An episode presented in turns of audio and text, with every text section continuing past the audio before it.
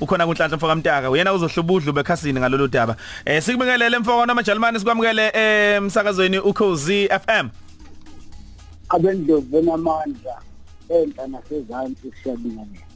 Naku lapha kubonakala ukuthi isimo somnotho sakithi asisihle neze mfoka mtaka eh njengoba ebekhiphile la abakwa Moody's eh bethi lesimo sina umthelela kuphela kwezomnotho kodwa ke sisho lukhulu na kuyipolitiki yezwe. Njengoba ke ungoti ke yizo kuma kwezokuma kwezwe nezimo nje zomhlaba mfoka mtaka awusitshela eh ukuthi ngabe lokhu ngempela kusho ukuthini lesi sinqumo? Siyazi ukuthi mhlambe abahlaziya abaningi abebekade behlaziya bake bayibheka le ndaba nabo. Bekubonakala mhlambe siya siya ku change status noma kuhamba kanjani?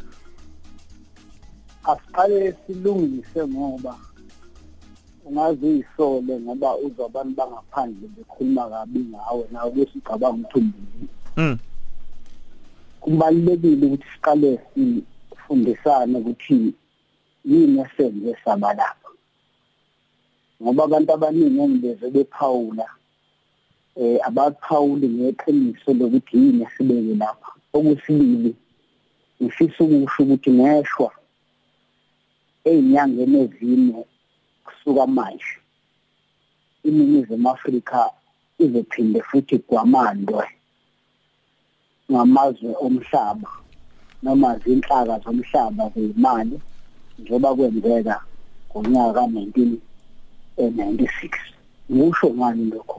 Sengibuyela ke emlandweni yesimo ukuthi sisukaphi.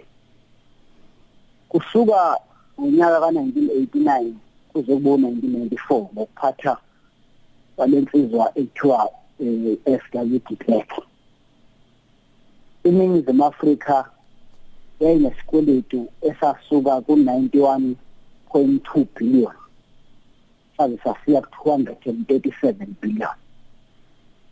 91.2 billion kuze kube u237 billion. Yidedekelelo uhulumeni wamashapusha alishiya nohulumeni wentando yeningi ophethwa bohlanga isikweletu yazidede nesikweletu esafike lapha esikwalo ingakho kwathuma ukhongolose uyokhethweni ababe sebezelwe ngaleso sikhathi nabavota abayazi ukuthi ukhongolose wathi kubantu uzoqhuba uhlelo ekuthiwa RDP ngaleso sikhathi.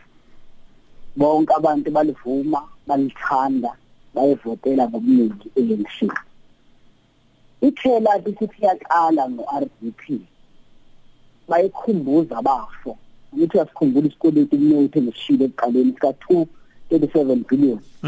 Wahamba uMandela no de Klerk uMandela wathi kulaba be World Bank ha lesikweletu sizosithatha ngoba sifuna izwe liye phambili. Sizosikhokha thina njengezwe yayisithi World Bank uma sikunika le mali sitsheleka njengezwe ngoba thatha ukuthi ngizophatha na ANC nizoyikhokha phakathi kokunye ngokuthi niguqule inqubo mgomo yeli wavuma uMandela sayithola imali. La salikhokha idede leli saliqala leli lika lika lika de Klerk wakhululeka umlungu. Wayihambela siya ngo 1986 ANC siphethe ithathe ngo 1994 basikhumbuza belungu melika wathiwa wemadoda lo RDP wenu awuhambisani nenqubo mgomo yethu ekubizwa ukuthi structural adjustment esiyifake wonke amazwe akhulukazi ase-Afrika shintshana umdeli wayesekela mengameli waphoqeleka ukuthi akhe into ebizwa ukuthi giya. Ngizama ukuthi-ke waqala lapho ukugwamandwa umnotho wethu ukuthi njalo uma sikhuluma isikhamba nenqubomgomo ehlukile basikhumbuze isikweletu esesikweletayo esisakhokha nesinqumo noma nesivumelano esathatha ingakho namhlanje ulandela umbheki emva kwamandela wawuzuma eh uRamaphosa imali eningi siyikweletayo ikweleta imali le eyasuka kuleya 200 37 billion. Namhlanje lokho kushiwo ngolesihlanu kuyafana nalokho kwashiwo kumbheki noMandela ngo1986 bathi kithi abelungu basemelika uModis uma lingaguquki inqubo mgomo yethu uma uyifunde kahle leyanto ithi kuthina imhlaba ningawuphindi ithi kuthina inqubo mgomo ethize ezomnotho ningasuki kuyona kufanele nihambe ngale evumelana namazwe asentshonalanga kungenjalo sizombeka kuvobe ngoba ke siyasaba ukuba kuvobe sizoba senkingeni yiko ngithi ezinyangeni eziningi ngonhlolanja ngoba ngikhona kulolu hle iningizimu Afrika ngokusemthethweni izoyisa yona silaheni ngoba isaba ukuba kuvobe izoyishintsha inqubo mgomo yayo yokuzama ukulungisa ngokuphuthuma umnotho ivumelane namamelikane njengoba kwenzeka kumbheki noMandela ngo-1986 isimo lesi ngeshwa okungelula ukuthi sesigweme kodwa singasigwema uzothi omunye singasigwema kangakanani? Uma nginika nje ithuba ngisho ukuthi ngokwami singenza njani ngoba siyoyifaka nje uma ulalela umboweni khuluma kwakhe ukwazi ukufunda nokulalela ukuthi uthini wabuka lento ebhalwe yamamelikane uyabona ukuthi hayi eyakwethu nje siyaqoqa. Siyoyifaka yona ejokweni ngofebruwari nje siyobe sesigwamandwe isibili njengoba kwenzeka kumandela kodwa amazwe anjengathi enza kanjani nokuthi mhlawumbe silenze kuphi iphutha? Kuwumbono wami ukuthi enye izinto abafo abashaya ngayo uhulumeni wethu bayazi ukuthi akanawo amandla okukhuluma nabantu babo noma ikhono lokukhuluma nje nabantu babo lokhu okuthiwa i-public diplomacy ngolimo eh lepolitiki yesilungu ukuthi ukuze abantu bakho bakumele ngoba phela iziyo likahulumeni kufanele kube izakhamizi ukuze iziyo leli ngabantu lazi ukuthi ubhekene nayo inkinga eh thina sinayo uhulumeni okwazi ukuthi azosho ukuthi ade bakithi siyahlupheka lapha nansi inkinga ila ila. Lithe lami uhulumeni waseNingizimu Afrika akaqale manje asixoxela amaqiniso.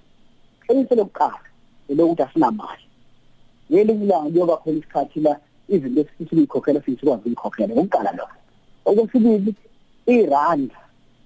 Seliyabiza uma yaphesheya okuchaza kona ukuthi ngempela imali yethu ayisenawo amandla.